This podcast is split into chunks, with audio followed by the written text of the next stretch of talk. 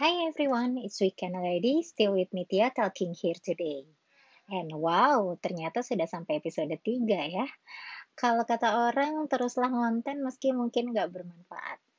Gak deh, bercanda. Kali ini pasti bermanfaat banget. Karena ada yang beda nih di episode kali ini. Aku mau mengundang salah satu teman perempuanku yang undebatable. Cerita sedikit ya, aku ketemu sama dia itu waktu kita masih sama-sama kerja di perbankan. Kita ketemu di acara CEO Youngpreneur. Terus ya seperti biasa, kita tukeran medsos dan WhatsApp.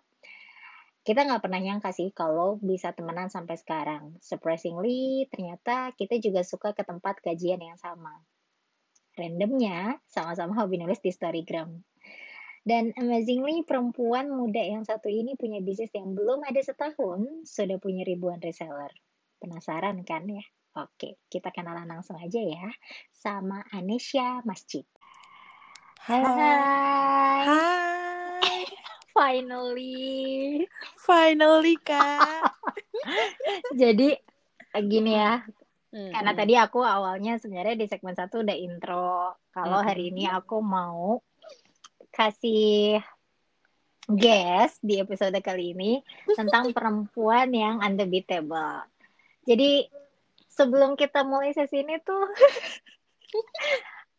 kita berapa kali ya Nes nyoba Iya, udah berapa kali udah udah banyak lah. udah berkali-kali dan eh sebentar ini suaraku jelas kan? Jelas jelas banget. Ah jelas alhamdulillah. Jadi eh, karena di masa pandemi aku dan Nesya ini rekaman dengan agregator tapi via kayak telepon biasa gitu loh karena kita nggak mau ketemu dulu sama-sama saling menjaga. Jadi podcast ini direkam dengan eh, tools seadanya dan aplikasi yang baru kita coba-coba. Jadi so sorry kalau ada noise dan lain-lain hal yang eh, masih amatiran. Jadi kita mulai langsung masuk ke pertanyaan aja boleh ya Nesya? Boleh dong, Kak. Tapi sebelum nanya-nanya, Mm-mm. ah, aku mau kamu ngenalin diri kamu sendiri dulu. Terus saat ini tuh kesibukan kamu apa sih? Oke, perkenalkan aku Nesya, aku teman lamanya Katia. Sampai sekarang kita masih berteman sih. Hmm, Terus aku itu owner dari toserbanya.id. Toserbanya.id itu forum dropship and reseller eh, buat udah 1000 plus plus sih dalam waktu tiga bulan. Jadi kita startnya itu tanggal 15 April buat create grup pertama dan sekarang udah grup kelima. Gitu kan. Wow. Itu kamu targetin gak sih awalnya tuh harus dalam waktu berapa bulan harus segitu gitu resellernya? Sama sekali enggak, karena aku nggak pakai endorsement, terus kayak pas create tuh eh, learning by doing aja, terus kayak let it flow aja gitu. Karena aku tuh orangnya takut kan, berharap yang terlalu berlebihan gitu kan. Dan kan aku bukan artis nih, kalau tiba-tiba exposure-nya segede ini dalam jangka waktu dekat tuh agak agak nggak mungkin sebenarnya. Tapi alhamdulillah kak, pas eh, dari awal start dari nol, bahkan start dari membernya tuh aku doang, terus bertambah bertambah seminggu dua minggu, dan alhamdulillah tuh bisa secepat ini sih. Aku juga unexpected gitu loh. Makanya tadi aku bilang ini perempuan undebatable sih.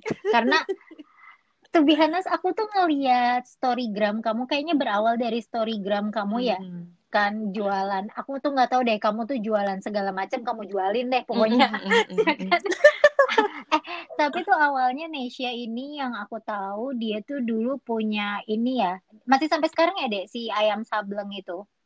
Ayam Sableng masih sampai sekarang, cuma kita udah online sih kak, nggak offline lagi. Tadinya kan aku punya empat cabang tuh Mm-mm. di close untuk sementara karena corona juga kan. Tapi memang ada pergantian karyawan sih pada saat itu. Jadi makanya sekarang kita sistemnya pre-order. Oh gitu. Nah, aku tuh emes sama kamu pertama dari bisnis pertama kali kamu itu tuh si ayam sableng. Terus Hmm. kemarin-kemarin pas di April ya kamu mulai si Toserbanya ID Mm-mm, ini eh kayaknya kamu tuh waktu itu belum belum ada kepikiran untuk bikin eh, correct me if I'm wrong ya. Mm, Iya, Kamu iya. belum ada kepikiran untuk emang mau seriusin ini bisnis. Jadi niatannya teh kamu cuma ngebantu teman kamu yang jualan bener gak sih? Bener banget, bener banget. Mm-mm. Kayak aku ngerasa bercanda gitu loh ini bisnis awalnya. Kayak Mm-mm. ya udahlah, Ka- karena aku tuh emang suka banget nge-review. Basically Mm-mm. kalau eh, kalau ayam sableng itu kan aku bisa sudah dua tahun ya memang basicnya aku emang uh, di industri food makanan iya, gitu catering mm-hmm. gitu.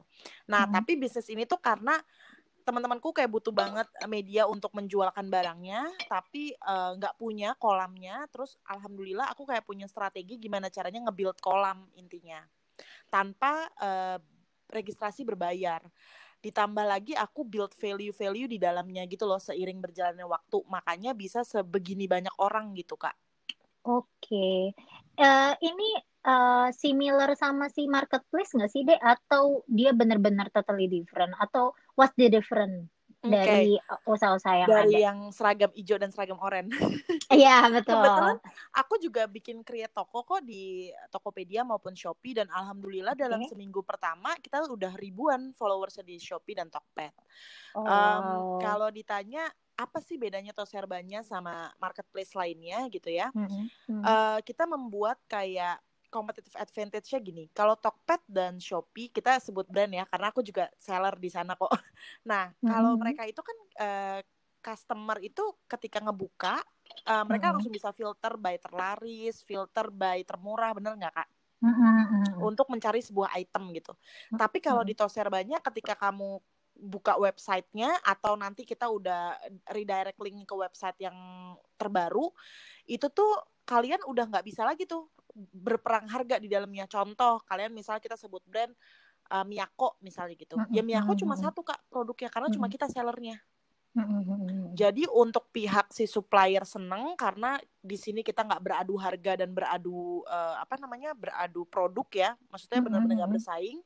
Terus dari pihak reseller atau customer juga bukan itu yang mereka kejar, yang mereka kejar itu reward setiap tanggal 30 itu kak. Ada yang tiga ratus ribu dan tujuh ratus ribu. Jadi setiap oh. pembelanjaan kamu di Toserbanya 5 juta, kamu dapat hmm. lagi selama satu bulan itu tiga ratus ribu.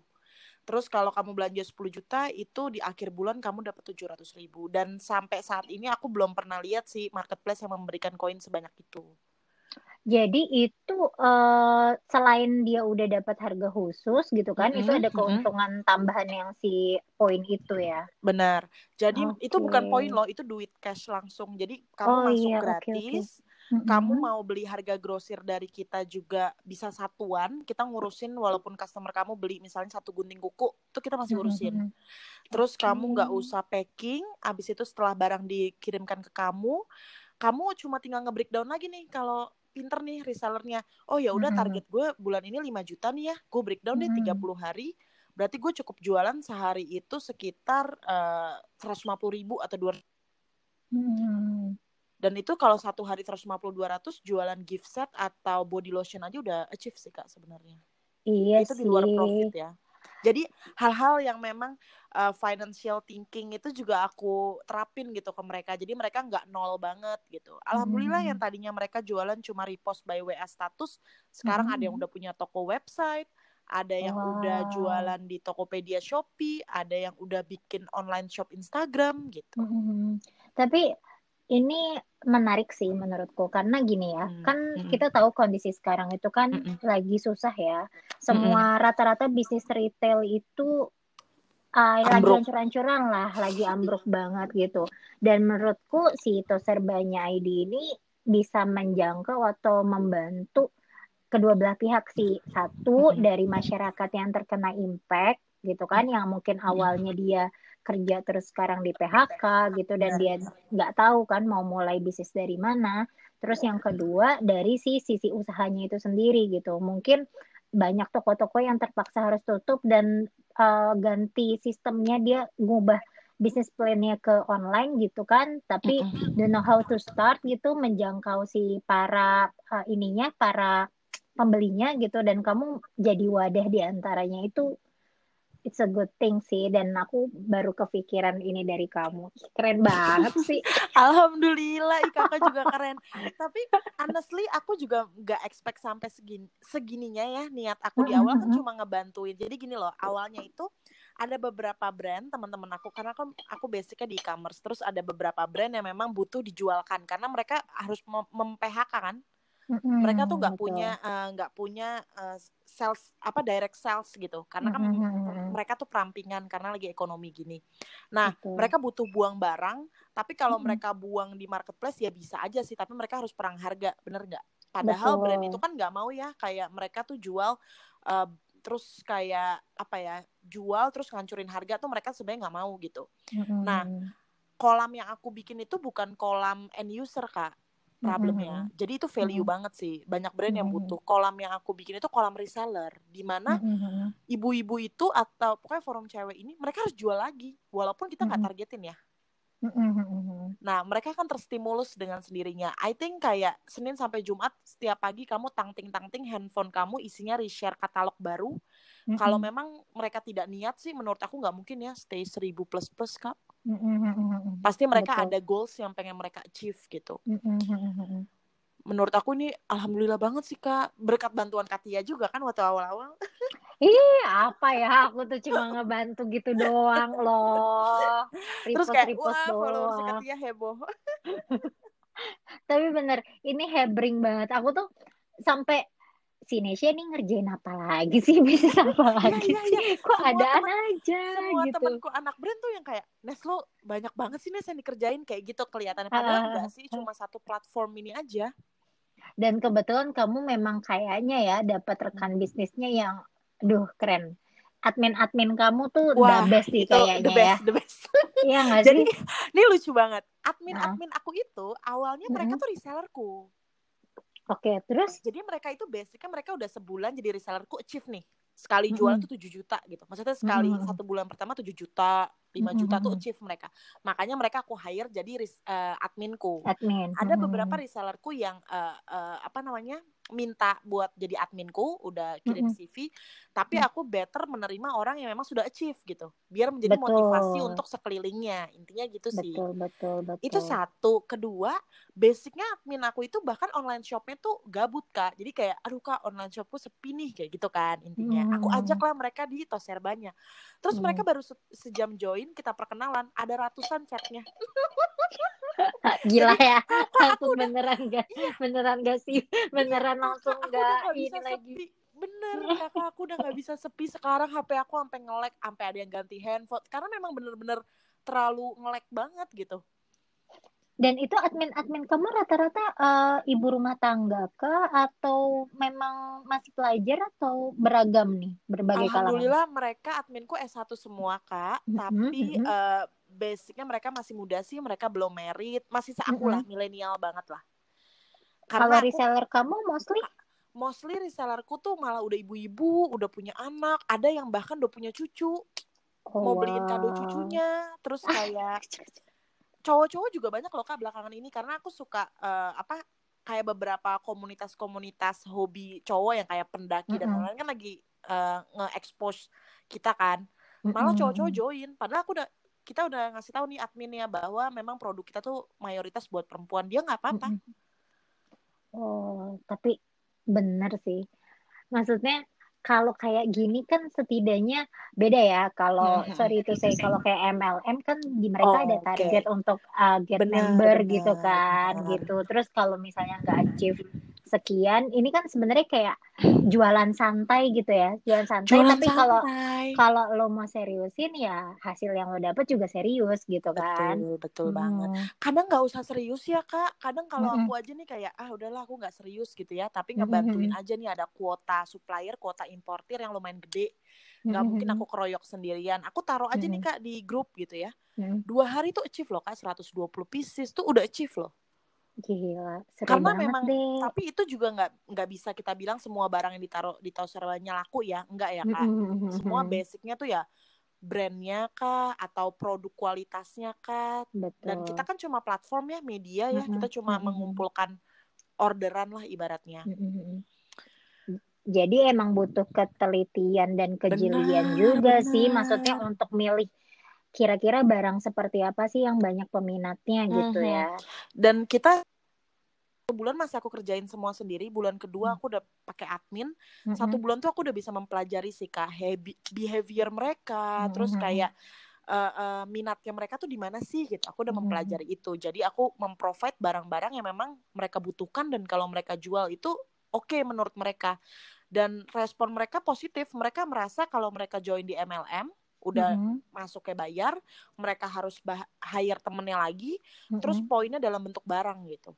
Kalau di kita kan Oh duit nih iya betul semuanya. betul betul betul. Nah, terus mereka bilang, "Kak, kalau kenapa ya kalau aku MLM kok aku susah banget barangnya laku. Kalau di kakak kenapa ya barangnya tuh cepet laku aku."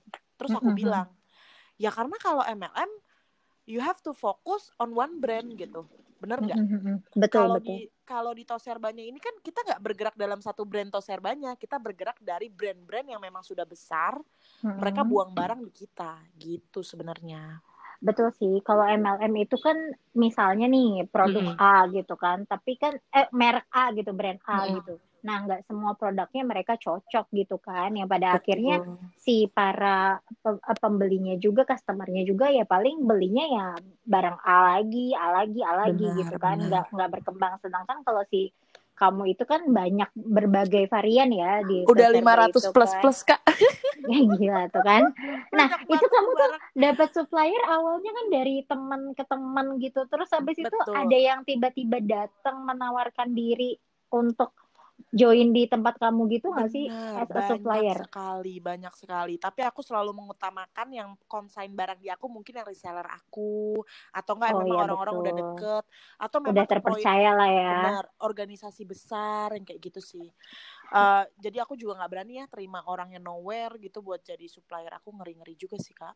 Dan Nah, enaknya lagi nih kalau di Toserbanya ya kalau barang Mm-mm. pre-order import kita open kuota kan kalau di eh, platform lain atau di mana ya atau di Justiper lain lah kita kan bukan Justiper ya di Justiper Mm-mm. lain kan kamu harus ngasih eh, DP kan kak Betul. 50% kalau di kita enggak Oh, jadi nggak ada DP oke.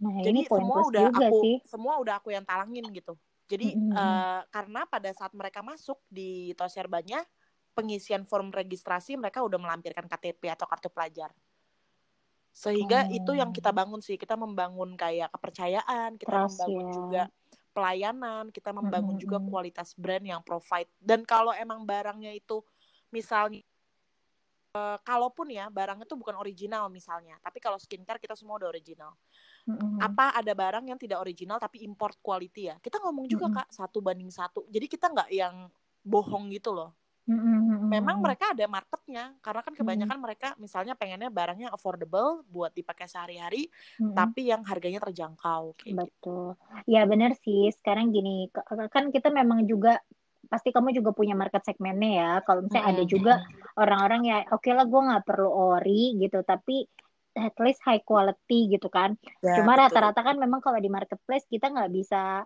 bedain bedain karena kan gini rata-rata tuh bilangnya ori ori terus nyampe ini nggak ori ori Singapura atau ori apa gitu. betul Itu yang yang yang kadang aku yang sendiri kalau sih iya bener ini teh ori Singapura tuh maksudnya KW atau gimana gitu kan. Nah, benar-benar kalau berarti di sini aku nangkep nih ya edit value-nya. Pertama memang kamu ngebangun trust-nya juga. Terus yang aku nangkep benang merahnya sih kenapa orang-orang itu bisa cepet banget gabung di Toser Toserbanya ID. Menurutku memang karena kamu itu kan awalnya berawal dari suka nge-review barang, ya Mm-mm. kan? Nge-review apa yang kamu beli atau apa yang kamu suka gitu. Yang pada akhirnya orang-orang yang sebelumnya itu belum pernah mungkin membeli barang itu bisa bisa dapat gambaran lebih jelas gitu. Kadang kan misalnya kayak aku, aku pengen nyobain brand tertentu, terus aku belum pernah beli nih sebelumnya, aku rada-rada uh, was-was gitu. Eh, benar aku cocok nggak ya? Atau eh aku ini nggak ya? Sedangkan kamu itu seperti uh, konsultan belanja menurutku ya. Jadi eh kamu tuh nyari yang mana? Kamu tuh cari yang mana? Oh, kalau ini budget kamu berapa? Ibaratnya kayak gitu lah. betul Tapi betul yang berbicara aplikasi gitu kan atau benar benar uh, reseller-reseller kamu gitu. Eh, lo tuh nyari barang tuh yang kayak gimana sih? Misalnya lo mau nyari tas, oke, lo mau nyari tas budget berapa? Oh, budget sekian gitu. Oke, ada dua pilihan nih dengan uh, tipe ori, tapi uh, ya mereknya merek begini nih, sama satu lagi nggak ori, cuma uh, replika lah, uh, satu banding satu satu, banding tapi satu oke okay banget nih high quality gitu-gitu. Nah, kamu seperti konsultan belanja sih menurutku. Jadi itu kenapa situs banyak ID itu rame gitu loh, langsung banyak diserbu Hebring para ya, Kak. reseller. Hebring, Hebring mereka tuh. pisan. iya. Iya, sorry ya, gue tuh kenal Nesya. Selama aku kenal Nesya itu storygramnya itu nggak pernah nggak ada tentang bisnismen. itu tentang kita memang suka bikin storygram ya. Kita sama-sama hobi yang uh, bikin uh, ya whatever itu tentang point of view kita tentang love life atau apa pun itu. Terus sekarang nih sudah terpendam lah itu tuh love life-nya. Dia pada segala macam. Sekarang udah lebih fokus ke banyak ID aku nggak paham. Tiba-tiba be, minggu kemarin udah bikin grup 4 terus minggu ini tiba-tiba udah ada Dek, sejak kapan ada tuh serbanya Edi grup kelima? ini hebring pisan ini cewek ya ampun. Aku, aku juga bingung kak. Kak, karena biasanya aku punya hobi menulis kayak kakak kan sampai akhirnya aku kayak mm-hmm. oh, adalah repost dari storygram tulisan kamu aja ada masanya sih. Ada masanya. ini sekarang lagi lagi hebring hebringnya banget gitu kan. Ya ampun deh terus mm-hmm. kalau boleh tahu nih rata-rata uh, omset kamu tuh per hari atau per bulan itu udah berapa ya? Kalau per hari masih aku belum bisa tarik ya stabilnya tuh berapa. Tapi alhamdulillah yang berani aku garanti sih setiap hari kita selalu ada order even itu okay. minggu ya itu itu pasti ada mm -hmm. gitu mm -hmm. uh, tapi kalau ditarik satu bulan di bulan pertama itu sekitar 45 Wow. Omset ya, maksudnya uh, hmm. orang belanja tuh 45. Di bulan gila, kedua gila, itu gila, ada peningkatan. Di bulan hmm. kedua itu sekitar tapi nggak banyak lah Kak. Cuma hmm. cuma 50-an, 52 deh kalau nggak salah. Karena barang yang si bulan kedua itu banyak kan pre-order. Ada okay. beberapa pre-order yang memang mereka nggak pakai DP kan. Jadi aku nggak hitung hmm. itu sebagai omset. Aku yang penelangan okay, gitu. Betul, betul, Jatuh betul. barangnya di bulan ini gitu. Cuma menurutku ini udah wow sih karena untuk di bulan pertama udah expect, sampai segitu sih. aku nggak expect. Uh, gila juga sih. Gila. Dan aku nggak pernah mau bocorin ini nih kalau bukan Katia yang nanya. karena memang sebenarnya banyak banget resellerku yang pengen coba kayak aku. Jadi aku nggak pernah hmm. merasa tersaingi kalau mereka pengen coba kayak aku. Sok atuh gitu. Banyak banget loh supplier di luar sana kalau kamu mau bersaing harga ya. Tapi kalau aku, aku tidak pernah menjanjikan hargaku termurah loh tapi aku bisa memberikan hargaku grosir tapi kamu beli satuan dan kita provide like you are VIP gitu. Betul. Terus satu lagi review yang aku kasih itu sangat gini kak. Kamu harus tahu loh kalau kita create bisnis kayak gini, lo tuh harus modal loh kak. Nge-review tuh butuh modal loh. Maksudnya kayak lo jualan Betul. parfum jutaan nih. Nah, berarti kan kamu harus cobain satu-satu dong. Cobain kan nggak mungkin ya kamu keliling mall lagi corona kayak gini terus kamu Betul. cobain satu-satu nggak mungkin lah. Nah, aku tuh beli itu semua tuh kak, dan itu jadi modal pribadiku tuh. Mm-hmm. Sehingga pada saat aku review ke customer, itu customer trusted. Oh iya ya, jelas banget ya. Dan reviewnya itu nggak bisa kamu dapetin di marketplace. Karena kalau di marketplace, kamu itu bisa aja yang reply itu boot chat gitu kak, automatic yeah, reply. betul betul. Dan iya, jarang ya, ada supplier yang benar. mau uh, eh, one on one ya sama kamu gitu. Dan aku juga uh, sukanya gini ya, kalau misalnya kalau aku kan suka lihat storygram kamu hmm. nge-review barang ya, hmm. menurutku gini. karena karena gini, apalagi parfum ya. Hmm. Kalau parfum itu kan kadang kita suka ngelihat oh ini banyak dipakai sama orang tapi kan hmm. kan cocok nggak cocok gitu kan. Hmm. kamu tuh nge-reviewnya biasanya kita kalau ngeliat di toko review parfum kayak gimana sih? Paling campuran wangi daisy plus bla bla bla kayak gitu doang gitu kan. Cuma kamu kamu tuh lebih ke kayak gini kalau suka warna yang uh, wanginya manis gitu atau ah ini tuh mirip banget loh sama parfum ini ini ini tapi dengan harga lebih murah gitu. Nah menurut aku justru review-review yang kayak gitu tuh yang bikin orang tuh tertarik untuk beli gitu loh. Iya. Karena dengan bahasanya betul dengan bahasanya kamu yang menurut aku bisa nyampe ke orang awam juga gitu. Hmm. Kayak kan misalnya nih kamu udah nge-review banyak parfum-parfum mahal misalnya. Terus uh, di Toaster Banyak ID kamu menja uh, menjangkau sampai yang menengah ke bawah lah misalnya gitu. Hmm. Nah, ada beberapa parfum yang menurut kamu ini wanginya mirip banget nih sama parfum grade A gitu kan. Ya kan? Itu yang menurutku jadi eh gue mau coba deh daripada gue beli nabung-nabung buat yang si parfum grade A kayaknya gue percaya deh gue pengen beli yang parfum uh, grade B-nya gitu tapi dengan wangi grade A gitu kan benar itu menurutku uh, poin plusnya kamu juga gitu nah, jadi kamu close aku, to the customer aku mau meluruskan nih jadi kan uh, mm-hmm. maksudnya grade A grade B-nya Katia nanti mm-hmm. kayaknya uh, yang denger nggak paham nah maksud aku uh-uh. grade A grade B tuh gini kayak Katia kemarin kalau nggak nggak salah pernah order yang Into the Night. Nah, Into the iya, Night betul. itu yang keluarin Bed and Body Works gitu ya. Nah, betul. Nah, banyak yang bilang itu tuh dia mirip banget atau dupe-nya uh, eh, YSL Black Opium. Kayak uh -uh. Into the Night itu kalau di uh, Black di sini itu harga dua ratus tujuh puluh sembilan ribu counter price-nya. Betul. Nah Betul. di USA juga segitu. Tapi kalau misalnya kamu beli YSL Black Opium itu 1,8 juta. Jadi lebih kayak gitu Betul. bukan bukan grade A grade B uh, Betul. ori Singapura Betul. ori Cina ya. Nah iya iya iya. Nah grade-nya itu maksudnya brand, berbeda brand. brand. Ya berbeda brand tapi uh, dengan wangi yang sama gitu Hampir loh. Sama, wangi yang mirip. Nah, uh, tidak tidak sama tapi wanginya yang mirip gitu. Nah itu sih sebenar sebenarnya uh, salah satu poin plusnya lagi gitu. Jadi si customer customer kamu yang awam atau benar-benar nggak tahu brand yang ya high high quality kayak gitu, tapi akhirnya tertarik untuk beli barang-barang yang kamu jualin gitu. Iya, alhamdulillah. Ya ampun kak, Keren sih makasih banyak. Ya, Tapi lucu juga loh, resellerku tuh bahkan kayak gini. Kak, aku tuh nggak tahu loh kak brand Victoria's Secret sebelumnya. Oke. Okay. Tapi pas dia repost di WhatsAppnya uh -huh. dia, ada yang beli. Uh -huh.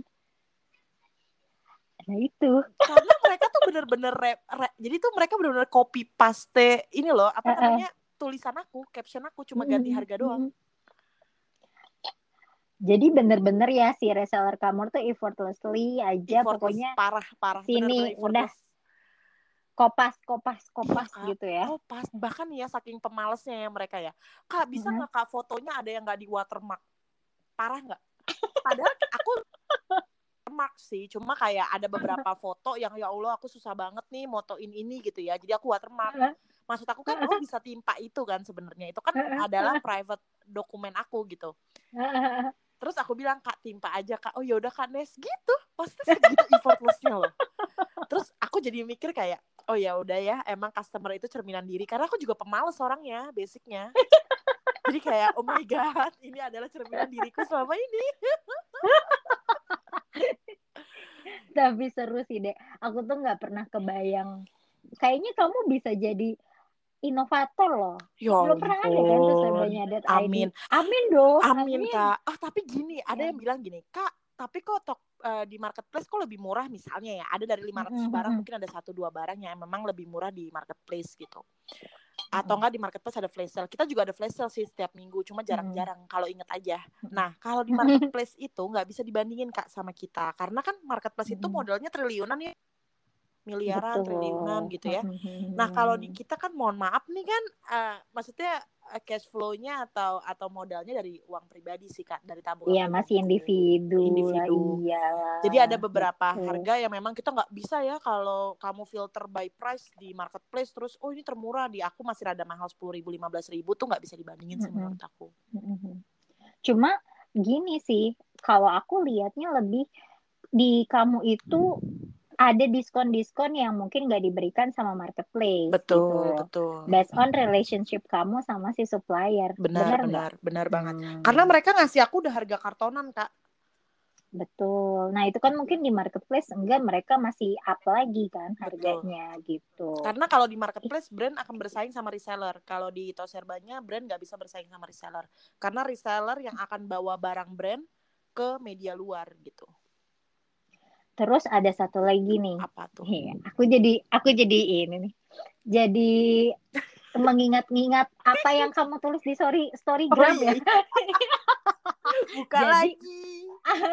waktu itu aku sempet lihat di storygram kamu kalau kamu tuh kayak ngasih insight ke reseller-reseller kamu, bener gak? Mm -mm, mm -mm. -uh. Jadi untuk beberapa reseller kamu yang memang kayak baru pertama kali join atau don't know how to start gitu, mm-hmm. don't know how to sell, kamu tuh bisa kasih ilmu gratis kamu based on uh, experience mm-hmm. dan based on yang udah kamu jalanin lah selama ini dan ilmu-ilmu kuliah kamu kebetulan kamu kuliahnya jurusan bisnis ya dek? Iya, magister Hmm. bisnis. Nah iya, eh Nesha ini tuh masih muda tapi udah S2 loh. Ya ampun kak, biasa aja kak, ya ampun. ya Allah ya Allah. Eh ya aku tuh kalau orang sekolah tinggi ngelihatnya biasa aja, tapi kalau misalnya ngelihat kamu ternyata ilmunya itu kepake bisa diaplikasikan ke sekarang kamu nih, itu menurut aku luar biasa Duh, karena nggak semua orang Biasanya itu orang yang bisa muji orang bagus tuh orang yang muji lebih bagus loh. Ya Allah, amin. tapi tapi bener nih anak ini undebatable menurutku soalnya dia tuh suka bilang kak tidur gitu ini kamu tuh jam segini belum ini padahal dia sendiri mungkin nggak tidur kita tuh cocok karena sama-sama Nggak tidur. tidur nggak bisa tidur kalau belum clear ya nggak sih Benar, Ya benar, ampun. benar. aduh gila emang nih Nes Mm-mm. Ah, aku mau tahu dong yang reseller kamu dapat selain Hmm. ilmu pastinya yang tadi aku bilang eh, dan cuan, C. Hmm. Apalagi sih yang eh, reseller kamu tuh bisa dapat itu serbanya ID ini. Sederhananya kalau kalian join di Toserbanya ID, aku memberikan sebuah peluang usaha tanpa kamu ada risiko rugi 100%. 1% atau 0,01% kamu nggak akan pernah rugi. Jadi Yes, nggak akan ada kerugiannya. Karena For karena example, pertama juga nggak dapat itu ya, nggak eh nggak ada biaya pendaftaran juga kan ya? Oke. aku Terus? waktu starting a bisnis ka- kan kamu kenal aku udah setelah enam tahun ya kita aku berbisnis gitu. Cuma kan belum pernah ya lihat orang-orang kan nggak aku nggak pernah expose beberapa kerugian bisnis yang sebelumnya mungkin aku pernah eh, dapatkan gitu ya mendapatkan supplier yang terpercaya susah mendapatkan barang yang bagus susah sering banget lah sering banget banyak resiko di luar sana. Dan akhirnya aku membuat sebuah platform ini ya untuk menghindari wanita-wanita yang baru memulai bisnis tapi knowledge experience bahkan modalnya tuh nggak ada kak. Dapat nggak? Oke. ini tuh sebenarnya kayak forum edukasi tapi bukan kelas online bukan webinar bukan apa ya kalau kamu mau belajar kamu lakuin dulu nih. Betul. awal-awal Oh, doing, banyak banget betul. komen yang kayak kak eh, kalau nggak laku gimana? Ya kalau nggak laku nggak apa-apa kamu juga nggak ada modal di sini gitu. Jadi dan Iya, kamu nggak ada paksaan kamu harus jualan kamu nggak usah jualan nih take risk aja urusin anak dan lain-lain. Nggak ada nggak ada masalah aku. Menurut aku ya mereka mau jualan nggak jualan itu bukan masalah aku yang masalah Betul. aku adalah aku memprovide barang-barang yang memang berqualified dan kadang kalau mereka oh notice eh ini murah ya atau apa mereka bisa beli barang buat dirinya sendiri bahkan ada yang mau beli ketapil buat anaknya aja Mm-mm. maunya di toserbannya segila itu nggak padahal di marketplace tuh banyak banget Iya, nah enaknya lagi bener-bener. kalau kamu di toserbannya kamu tuh bisa ke web kita terus kamu bisa chat Mm-mm. aja ke admin ya kak saya lagi butuh barang ini udah itu bisa jadi kalau nanti kamu ketik nih misalnya eh, ti- eh, kak, kak saya carikan TV Samsung senilai segini ya kita carikan nih kak Mm-mm. terus misalnya harga Mm-mm. TV flat yang smart TV itu udah 10 jutaan kamu udah langsung dapat cashback 700 ribu loh Hmm. jadi nggak usah nunggu 30 hari. Jadi kalau kamu achieve-nya misalnya di tanggal 20, di tanggal 18, kamu udah dapat 700 ribunya tuh di tanggal itu. Wow, asik juga ya. Iya kak, aku tuh bilang ya, ya ampun, anda ya ya dulu tuh aku kayak gini gitu. Ada ada sebuah media yang nggak perlu sama sekali aku modal gitu. Tapi emang nggak Hmm. ada kak. Nah, itu sih menurut aku kejelian kamu juga melihat peluang dari based on problem yang kamu al- alami sendiri ya mungkin. Benar. Semua orang Sedih tuh sekarang butuh personal shopper deh. Iya Nah, benar benar. another added value ya, Hmm. personal shopper nih tuh serba ID ya nggak? Iya, mereka sebenarnya bisa ke Ah. just tipper sih. Cuma kalau just tipper kan mereka ada biaya just tip ya.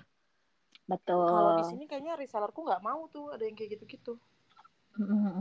Ya ini udah best price gitu loh. Kalau menurut aku sih udah best price. Terus ada ya itulah another poin-poin tujuh ratus ribu itu poin yang dalam bentuk rupiah ya. Maksudnya bukan poin. Kalau poin reward kan orang tuh mesti mengkalkulasikan lagi in rupiah tuh berapa ya. Yang pada akhirnya nggak nggak jelas gitu loh. Maksudnya kadang kan ya nggak sih. Aku tuh suka sebel tertipu tertipu sama poin gitu kan Mm-mm. eh poin reward kamu sekian gitu yang bisa dikonversikan misalnya dalam bentuk barang which is pas aku hitung-hitung ya ampun aku beli berapa puluh juta kok Mm-mm. jadinya cuma dapatnya misalnya berapa puluh ribu gitu kok nggak worth it banget gitu sedangkan ini tuh clear enough gitu lo belanja sekian dapatnya ya sekian Betul. gitu Dan keren, it- keren keren dan keren. itu juga udah aku aku akumulasikan sih kak sebenarnya kan niat awalnya aku pengen menggaji mereka ya Mm-mm. cuma kan kita kan mohon maaf nih kan masih sendirian nih jadi akhirnya aku Mm-mm. breakdown lagi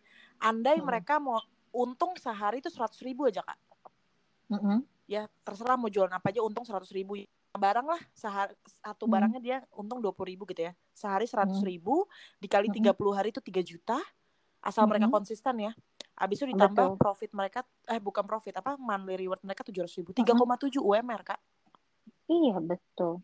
Tanpa Jadi harus ke mana-mana tanpa harus ke mana-mana. Tanpa harus Betul. anaknya ditinggal-tinggal atau suaminya ribut sama suami karena dia harus keluar rumah kerja dan lain-lain.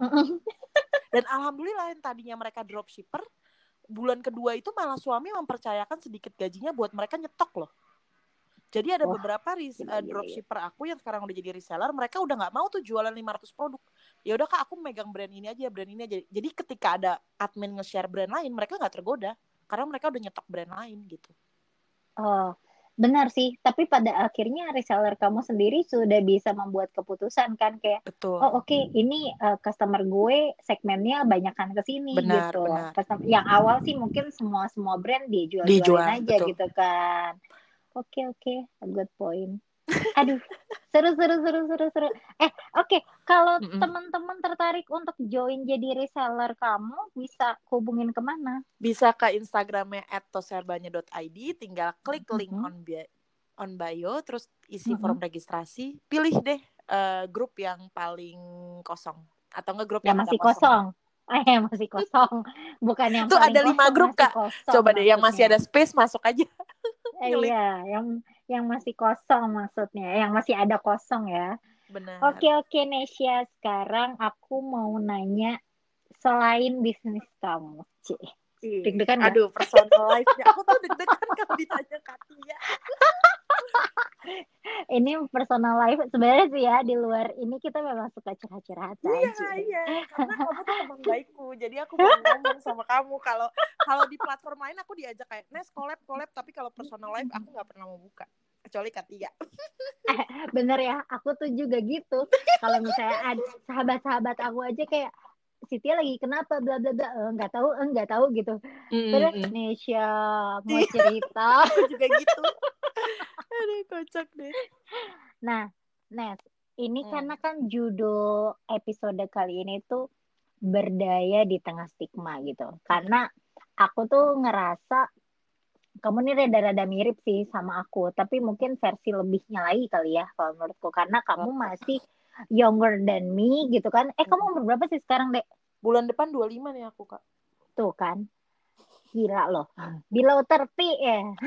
Below 30 punya omset Ya ampun, segitu ya biasa. tadi eh aku nggak akan ngulangin lagi biar nanti yang lain dengerin berkali-kali dan punya bisnis yang udah bigger banget dalam hitungan bulan gitu nah eh, pernah nggak sih maksudnya dengar kata-kata atau komentar pasti pernah sih hmm. Komentar kayak Nes lo tuh jadi cewek jangan mandiri-mandiri banget lah Hmm, gitu atau hmm. Nes lo jadi cewek jangan begini-begini amat dong cowok minder Mm, mm, mm, kali sama lo Oke. benar nggak benar nggak sih dan kamu tuh nanggepin itu kayak gimana gitu dan menurut Hmm. kamu em,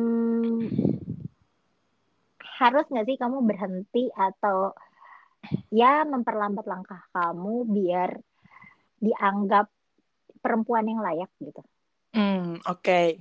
Jadi gini, kalau buat aku, kalau buat aku kemandirian seorang wanita itu no need any validation sih kak. Oke Jadi memang kemandirian bukan dalam segi finansial aja ya, dalam segi emotion, Mm-mm. dalam segi apa ya pola pikir itu tuh perspektif itu sebuah kemandirian yang sebenarnya kita nggak perlu dengerin omongan orang sih dan kita nggak perlu menunjukkan oh ini loh kita mandiri nggak perlu sih menurut aku. Terus kayak kalau ada omongan orang yang nyinyir atau tidak percaya sama kita, bagi aku sih kita nggak butuh ya orang lain untuk Iya, mempercayai betul. bisnis yang kita jalanin. Awal-awal aku memulai bisnis juga nggak ada yang percaya kak. Pasti dinyinyirin, maksudnya kayak udah sih Nes, you bilang tuh office babi bu bebo gitu kan. Tapi aku emang nggak butuh juga kepercayaan dari mereka. Yang aku butuhkan tuh kepercayaan dari tim aku sendiri nih. Dan alhamdulillah yang bikin aku stay dan bisa beromset itu kan bukan aku kak, tapi resellerku sebenarnya. Karena aku udah start uh, create grup Toserbanya aku udah nggak bikin aku nggak jualan pribadi lagi nah hmm. dari situ aku berpikir sih memang kemandirian itu udah apa ya udah tugasnya wanita sih. Jadi setelah kamu melewati usia 20 ya lo harus mandiri. Dan jangan sampai keadaan yang memaksa kamu untuk mandiri ya. Betul. Jangan nunggu lah jangan, jangan nunggu, nunggu. jatuh betul, dulu betul. gitu. Gitu sedia payung sebelum hujan. Betul betul. Benar ya kak. Nah uh, kamu nggak nggak terpikir untuk memperlambat langkah kamu juga karena stigma orang lain hmm. gitu kan? Um, enggak sama sekali sih. Awal-awal iya ya. Awal-awal kayak aduh iya mm-hmm. ya. Ada yang bilang loh kayak uh, Nes nggak capek sekolah mulu. Sekarang udah S2, mm-hmm. amanah almarhumah nyokap kan menikah setelah S2 kan. Tapi kalau mm-hmm. masih milah-milih dan lain-lain gitu ya. Mm-hmm. Karena menurut aku um, pertama kalau cowok minder ataupun pernikahan dan lain-lain belum itu bukan berarti uh, apa ya kecepatan kita yang dikurangi loh kak menurut aku. Tapi kita betul. harus memilah-milih seseorang yang bisa balancing kecepatan kita. Mm-hmm. kayak gitu. nah itu setuju sih aku. Betul. Ya gimana ya? Kalau misalnya kalau misalnya harus memperlambat langkah cuma karena ya kita merasa maksudnya kita nggak sesuai dengan ukuran normal normal wanita atau usia. standar oh, iya kan standar hmm. uh, perempuan pada pada umumnya gitu ya agak sulit juga pada akhirnya nanti yang menerima kita juga uh, ya karena kita memperlambat langkah bukan karena kita jadi diri kita sendiri benar benar sih, sih. Hmm. Uh, karena background kali ya kak maksudnya aku hidup bukan dari uh, ya udah gitu kayak semua available enggak lah maksudnya kan aku anak tunggal mm -hmm. terus juga mm -hmm. nyokap udah meninggal background itu yang mm -hmm. membuat aku jadi mikir wah I have to choose the right one nih gitu mm -hmm. karena kalau enggak kasihan ayah aku kayak gitu atau enggak mm -hmm. aku sebelum uh, menikah atau menerima seseorang di dalam hidup aku aku harus benar-benar stabil sih kak oke okay. dan kamu tuh takut nggak sih cowok-cowok tuh minder sama kamu? Mm, nggak sama sekali karena mereka kayaknya nggak minder. enggak enggak. enggak Emang sih, pasti akan tuh receh ya kaum rumahan. Eh, tapi pasti ada lah beberapa laki-laki oh. yang pada akhirnya mungkin mau deketin hmm. kamu terus um, ah ya udahlah mungkin gitu. bukan aku kayaknya ini ini mungkin bukan buat aku ya tipsnya ya cuma aku mm -hmm. pengen banget di forum ini eh di platformnya Katia ini aku pengen ngedeliver kata-kata ini sih dulu waktu aku usia 20 21 tahun ketika ada laki-laki datang ke kita terus bilang kayak aku cuma punya ini atau aku belum punya apa-apa misalnya kayak gitu ya pasti mm-hmm. banyak banget tuh cewek yang bilang kayak uh, uh, ya udah kita bisa kok mulai dari nol dan lain-lain bener nggak kak Iya. Iya. Tapi di usia aku mau 25 ini ketika ada laki-laki berbicara itu uh, kayak gitu ya sama aku hmm. atau misalnya temanku lah temen aku di, hmm. uh, disampaikan gitu sama seorang laki-laki gitu ya hmm. jawaban aku tuh kayak gini sih kalau memang kamu belum merasa kamu punya apa-apa, kenapa mm -hmm. kamu harus memulai sebuah komitmen baru yang butuh apa-apa? Dapat nggak? Iya, betul. Mantep. Setuju. Akhirnya aku keluarkan di sini. Maksudnya ini bukan sombong loh. Ini setuju, bukan setuju. ini bukan kamu matre, ini bukan soal apa. Karena aku merasa kayak as a woman you have to create your value ketika ada orang datang ke kehidupan kamu yang kamu sudah uh, berjuang ya selama kamu hidup 24 tahun, 25 tahun, 20, 30 tahun. Masa hmm. sih kamu harus menerima orang yang sebenarnya dia belum siap, tapi kamu harus siap gitu. Itu menurut aku nggak adil iya. sih. Jadi, Jadi kenapa kita yang harus tolerir panjang benar, ya? Benar. Untuk benar. hidup kita sendiri gitu loh. Gitu. Benar benar benar benar benar setuju sama kamu. Keren keren keren keren. Coba tolong diulangi tadi. Oh. enggak enggak ini enggak akan diulang lagi. Ini, ini biar orang ini highlight point loh. Ini, ini highlight point biar orang mundurin lagi ngeriwain lagi. Tolong ya ini di rewind berkali-kali gitu kan.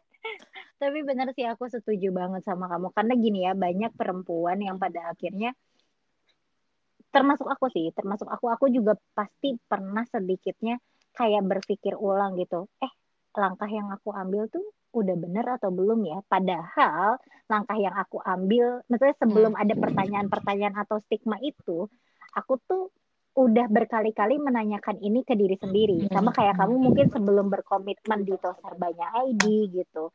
Dan berkomitmen atas bisnis-bisnis atau apa pun yang sedang kamu lakukan, itu pasti kamu sudah berkali-kali nanya ke diri kamu sendiri, Hmm. eh gue ready nggak ya sama komitmen ini? Karena berbisnis itu adalah komitmen hidup juga kan, Benar-benar. gitu. Apalagi ak- udah ribuan nih orang yang bergantung at least sama si Toserbanya ID gitu Mm-mm. kan, bergantung sama sama komitmen kamu. Sebenarnya bukan bergantung sama Toserbanya, tapi bergantung sama Komitmen. komitmen kamu as a founder gitu. Nah, terus tiba-tiba ada orang lain gitu yang ingin masuk ke kehidupan kamu Mm-mm. yang pada akhirnya membuat kamu berpikir ulang. Rasanya itu nggak adil gitu ya. Betul, Maksudnya, betul. kok bisa?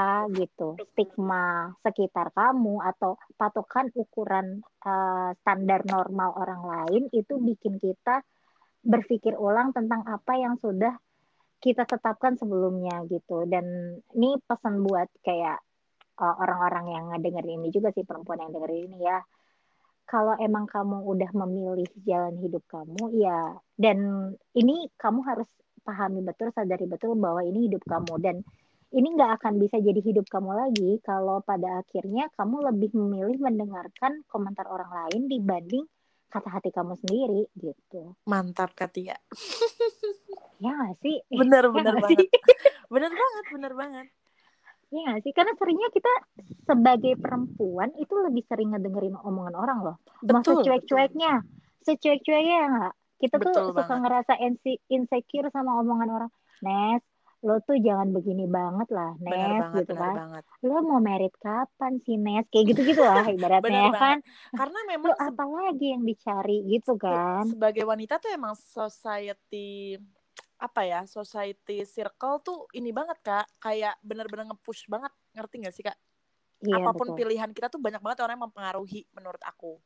Nah betul. tapi eh, ada beberapa keputusan yang memang harus eh, kita sendiri yang ngambil karena itu tanggung jawab kita. Mm-mm. contoh ya kayak pilihan hidup dalam bisnis dalam karir jodoh sama misalnya em, pilihan-pilihan yang apa ya yang kayak kepedulian sama sesama. Apa impact yang mau kita kasih ke sesama itu nggak butuh validation dan nggak butuh persetujuan orang sih menurut aku selagi itu baik Betul. dan buat cewek-cewek yang 20s nih cewek-cewek yang usia Mm-mm. 20-an atau mau beranjak ke 20-an suggest aku sih eh, kalau aku bisa mengulang waktu ya aku akan mulai ini dari umur aku 20 mungkin Oke. jadi maksud aku adalah orang tuh nggak akan pernah peduli mau seberapa cantik kita, seberapa sukses kita, seberapa keren kita, seberapa kaya kita tuh orang nggak akan pernah peduli. Yang orang pedulikan adalah seberapa kita bisa bermanfaat buat orang tersebut. Ah, the good point. Iya, Ya, maksudnya kita nggak akan ditanya kan lo latar belakangnya Betul, gimana, betul, lo sekolahnya setinggi apa sih gitu. betul. Tapi saat lo udah bisa manfaat buat orang, ya udah itu nilai diri lo ya kan. Jadi amat disayangkan Oh. kalau kalian di usia muda sih kayak udah tua gue. Di- buat yang masih muda nih ya, kalau kita harus kayak menangisi atau mempertahankan eh, apa ya? toxic lah, toxic things di Mm-mm. dalam hidup kita. Padahal banyak banget loh kesempatan yang ada yang kamu lewatin gitu. Menurut aku. Mm-mm. Karena balik lagi kita nggak tahu doa yang sebelah mana yang bakal dikabulkan sama Allah. Kayak aku Mm-mm. a- orang-orang selalu bilang kayak Nes ini kok bisa makin gede ya? Karena kita nggak tahu dari seribu orang ini doa yang sebelah sebelah mana yang dia sampai nyolatin ya ampun ini gimana ya? Besok aku jualannya laku nggak ya? Nah semoga laku ya. Kita nggak tahu loh doa yang sebelah mana. Betul. Gitu. Tapi bener Nes, ini uh, agak sedikit flashback dari yang terserbanya itu ya. Maksudnya kan kamu awalnya memang niatan un- untuk membantu teman kamu jualan kan. Kamu Betul. nggak ada niatan untuk ngebangun bisnis sendiri nggak nggak ada awalnya. niatan Nah, gini, kalau aku sih percaya the power of doa ya. Dan kita nggak pernah tahu loh, mungkin orang yang saat itu minta tolong sama kita untuk sekedar di repost atau di regram kayak gitu ya, itu adalah orang yang saat itu benar-benar butuh banget. Dan kita nggak pernah tahu ucapan yang menurut kita biasa, misalnya kayak, Nes, semoga lo sukses ya. Itu adalah ucapan yang diaminkan sama malaikat yang akhirnya bisa bikin situs serbanya ID sebesar ini. Ya nggak sih?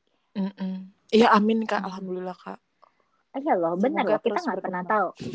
Makanya tuh uh, aku selalu kan maksudnya kenapa sih Nes lu uh, mesti repot-repot kayak ngebantuin usaha orang atau apa dan segala macam dan apalagi di masa pandemi kayak gini ya Mm-mm. Kayak kita tuh lebih pengen ngebeli apa yang teman kita jual nggak sih daripada apa yang ada ya apa apa brand yang kita tahu gitu kan. Rata-rata eh temen lo, eh, lo jualan apa sih? Sini sini gue beli apa dan segala macam. Mm-hmm. karena kita kita nggak tahu kan doa mana yang ternyata dikabulkan sama Tuhan untuk melancarkan segala urusan kita gitu. Benar. Dan ini inspirasi juga sih kamu bagi aku cie kakak juga selalu menginspirasi aku jadi tolong ya ladies. Ini soal mengalahkan stigma. Emang point of view-nya kita itu ke diri sendiri kadang lebih minus dibandingkan uh, penilaian kita ke orang lain. Kita tuh lebih suka nilai orang lain atau lebih suka dinilai sama orang lain dibanding kita tanya ke diri sendiri kita tuh pengennya apa. Benar, itu yang bikin benar. kita pada akhirnya memperlambat langkah kita. Benar, ladies. Ya sih. Aduh, Pokoknya aduh pokoknya menurut aku untuk di uh, era kayak gini ya kak kita harus punya side income sih. Kalau kak kalau kak Tia mah apa juga dikerjain ya kak Tia mah banyak banget bisnisnya. Tolong ya belum segede kamu banyak ya tolong. bisnis kamu ya Tuhan. Katia tuh emang orang nggak ada capeknya sih yang menurut aku ya kalau aku mungkin ada malesnya nah Katia tuh nggak ada malesnya nah menurut aku kalau aku sama, lebih kayak gini sih aku tidak pernah memaksa orang untuk berbisnis ya tapi aku memaksa hmm. orang punya source of fund yang nggak cuma satu dari uh, kantoran aja karena beberapa banget uh, cewek-cewek yang mau join di Toser banyak karena dibalik ada yang kena PHK ada yang memang dia sambil kerja akhirnya malas kerja dan resign banyak banget kak choice hmm. itu hmm.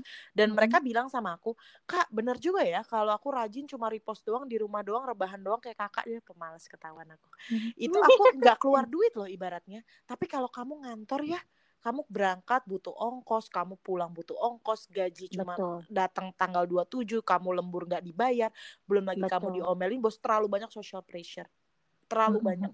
Jadi menurut mereka kayak gila ini tuh benar-benar sangat menguntungkan karena bukan cuma soal duit ya, tapi soal mental mm -hmm. health, soal masih banyak Betul. loh yang bisa dilakukan lagi. Terus aku mm -hmm. suka bikin kayak hashtag bantu reseller. Jadi kalau reseller itu misalnya melakukan transaksi, mereka punya all shop jualan makanan itu aku share kok. Dan aku pasti beli kok produk mereka.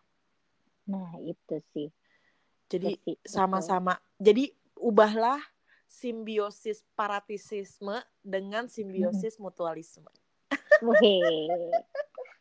Keren. Ini woman empower woman loh kita harus masih... gitu dong kak masa iya. woman nyinyirin woman Iya, nah itu yang biasanya fenomena yang terjadi saat ini tuh emang kayak gitu, hmm. ya kan? Berdebat soal ya apa pun lah gitu. Padahal maksudnya sega, eh, kan ada yang berdebat soal ibu rumah tangga versus wanita karir yeah, kayak yeah. gitu. Nah sekarang kita kenapa sih nggak woman empower womannya itu kita ambil jalan tengah lo mau berkarir, lo mau jadi ibu rumah tangga, poinnya satu, lo harus berpenghasilan, ya nggak sih? Betul, betul. Nah, kalau ibu rumah itu bukan tanggung jawab mm -hmm. suami aja. Betul. Kan yang bikin anak berdua ya, sok atuh. Nah iya. sok atuh. benar, benar, benar. Aku setuju. Jadi janganlah jadi perempuan yang memang depend on sama laki-laki.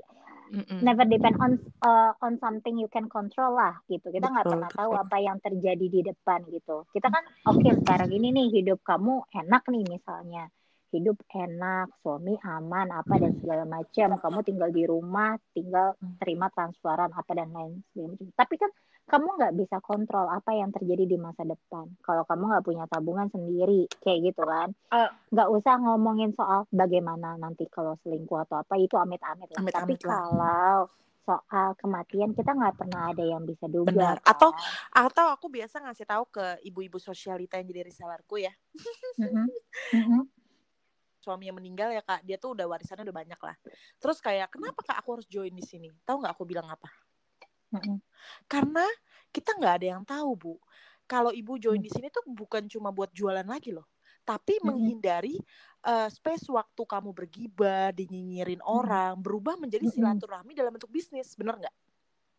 Betul. Jadi kamu kalau bilang kayak Kanes, gimana sih caranya uh, kita tuh misalnya punya personal branding, bisa social media yang keren. Menurut aku learning by doing lo lakuin dulu daripada daripada nih kamu aktivitas istri apa sih kalau nggak misalnya kita arisan, bergibah, berkarir, berbisnis. Nah, kalau menurut aku ya dengan kita misalnya jualan atau kita repost, silaturahmi yang terjalin tuh udah bukan lagi gibahan menurut aku.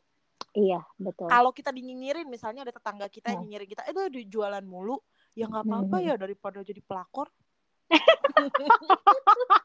Maksudnya kita menghindari gibahan Bener, atau bener, bener, isu-isu bener, yang bener. menurut aku kurang positif sih menurut aku ya.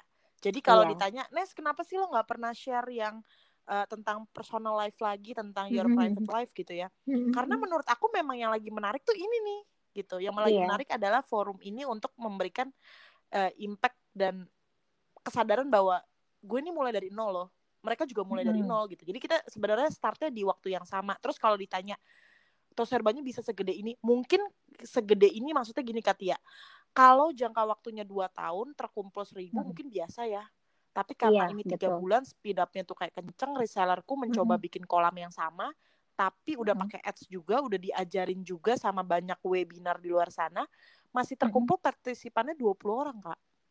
Mhm, mhm. Banyak company yang ngehubungin aku minta aku jadi freelancernya tapi belum ada yang aku accept karena Mhm. mereka juga butuh kolam online karena offline mereka drop semua kan. Iya, betul, betul, Gitu betul. sih sebenarnya. Jadi ini value sih jatuhnya. Tapi ya, apa pun bentuknya nih, Mm-mm. kan tadi kamu sempat bilang kalau reseller kamu mau bikin uh, hal yang serupa sama apa dan segala macam, Mm-mm. aku paham kenapa kamu nggak worries karena kita punya kursi rezekinya masing-masing ya. Dan ada dan ada self value atau personal branding yang kita nggak nggak bisa di copy gitu. Oke, lu Betul. boleh copy semua nih dari. Sok harga, atuh, dari copy cara betul, dari cara gue jualan, dari cara apa pun itulah pendekatan apa dan segala macam, lu boleh copy semuanya. Cuma interpersonal skill itu nggak bisa dibeli dan nggak bisa di copy. Banyak nggak banyak resellerku yang kurang baik ya. Kayak misalnya mereka nge-broadcast jualannya mereka sendiri bayangin pakai dataku. Itu aku tegur sih. Dan itu yang Oh ngadu iya, bukan aku ya. yang ngadu Itu resellerku ya. iya sempet Kamu sempet uh, personal data kamu tuh dipakai buat Dipakai. apa Ya pinjaman parah online ya? pinjaman online juga sih. pernah ya Allah sumpah aku gak pernah ngutang maksudnya kayak banyak banget lah banyak banget eh, hal-hal buruk gitu ya yang dilakukan Terus kayak ada juga orang yang nge-repost kontennya dari aku, eh, apa-apa Mm-mm. dari aku, tapi ngambil barangnya dari orang lain. Dan ternyata Oke, orang yang dia oke. ambil itu, ngambil juga di aku. Ngerti nggak? Jadi kayak si supplier nanya kan, Nes kamu ada barang ini. Lah lu kemarin baru, ngerti nggak? Baru dua menit yang lalu ada nanya ini. Jadi kayak menurut aku, eh, aku nggak mempermasalahkan loh mereka mau cari yang lebih murah, mereka mau cari supplier lain nggak ada masalah menurut aku. Toh juga aku Mhm. udah jelasin ke seribu orang itu bahwa aku Mhm. nggak bisa nih jagain data kalian nih karena di sini for Mhm. free tapi balik lagi aku tidak akan pernah menjual data kalian itu gue berani guarantee Mhm. karena menurut aku eh, eh, aku nggak butuh maksudnya aku nggak mau memperjualbelikan data kalian dan orang-orang yang jahat di luar sana atau orang-orang yang punya niat buruk untuk menghancurkan kita ya sok atuh nggak akan bisa juga karena kita Iya. mulai dari niat dan doa-doa kecil yang sekarang Betul. jadi doa besar gitu alhamdulillah Iya, betul betul. Nggak, aku percaya sih segala hal baik yang kita lakukan itu pasti akan berbaliknya baik juga benar benar kita gitu. Mau segimanapun ya situasinya buruk di luar sana, tapi selalu ada orang-orang baik yang support uh, doa baik kita ih sih. betul banget Aku sayang percaya itu. Ya ampun. Nesya, ini kita udah hampir sejam Iya, ngobrol-ngobrol. nggak Kamu ada ini podcast kita nanti orang jadi nggak mau nonton nih gara-gara kelamaan kamu ada pesan dan kesan untuk perempuan di luar sana yang masih takut maju Hmm, karena terhalang stigma oke. bahwa perempuan itu standarnya cuma uh, sumur, sumur, kasur, dapur, dan kasur. dapur. Iya, betul. buat perempuan-perempuan di luar sana yang lagi dengerin podcastnya Katia I just wanna share kalau misalnya society bilang kamu tuh cuma sumur, dapur, kasur semua wanita. Menurut aku udah saatnya kita tuh nge-break through itu gitu. Kita udah saatnya untuk menampilkan versi terbaik dari diri kita gitu. Dalam segala aspek menurut aku. Dan jangan pernah menggantungkan harapan atau tanggung jawab secara finansial atau emosional atau kebahagiaan kita sama orang lain. Kayak gitu. Dan sumur, dapur, kasur itu hanya kalimat yang menurut aku itu hanya mengander value seorang wanita. Yang paling tahu potensi dasar seorang wanita itu ya wanita itu sendiri. Dan jangan pernah biarkan satu orang pun memperlambat langkah kita hanya untuk memuaskan atau memenuhi eh, ekspektasi kita, mereka tentang kita gitu. Ih. Ah, keren banget. Kayaknya aku bakal sih. nge-rewind terus aku tulis di story. Karena tadi spontan ya. iya itu spontan Kak. aku belum ada catatan Oke, ini seru banget. Kayaknya aku mau cepet-cepet upload ini di Spotify Kak, biar semua ya, orang dengar. Oh pasti, pasti, pasti. Nisha, thank you Aku banget atas waktunya. banget, semoga Aku terima kasih banget. sukses dan podcast Amin, yang dengar amin. Amin ya Allah, amin.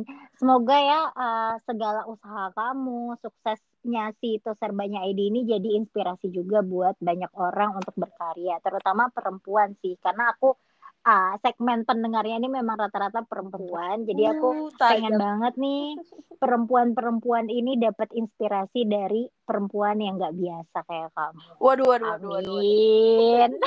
Tapi orang-orang yang lagi dengerin ini ya kak menurut aku mereka punya peluang jauh lebih besar dan waktu lebih lama untuk mereka explore diri mereka buat jadi lebih sukses dari kita deh kak kayaknya pasti pasti gitu dan mungkin mereka cuma cuma takut untuk memulai karena segala sesuatu itu yang menyeramkan memang di awal ya nggak sih? Betul ya ampun tapi begitu sayang. udah dijalanin ya udah sih gitu. Ah Benar, ternyata benar. seseru ini gitu kan. Mari kita tidak tidur lagi hari ini. Semangat melek. Oke kak. Oke Nesha thank you so much ya Ya, dek. sama-sama kakak. Kak jangan oke lupa Mm-mm. Apa tuh? Di save. oh pasti. Ini akan aku save dan segera aku Lucu banget share ke. Spotify. Ya. Aku akan kirim linknya segera ke kamu ya. Yuk kak. Bye. Bye.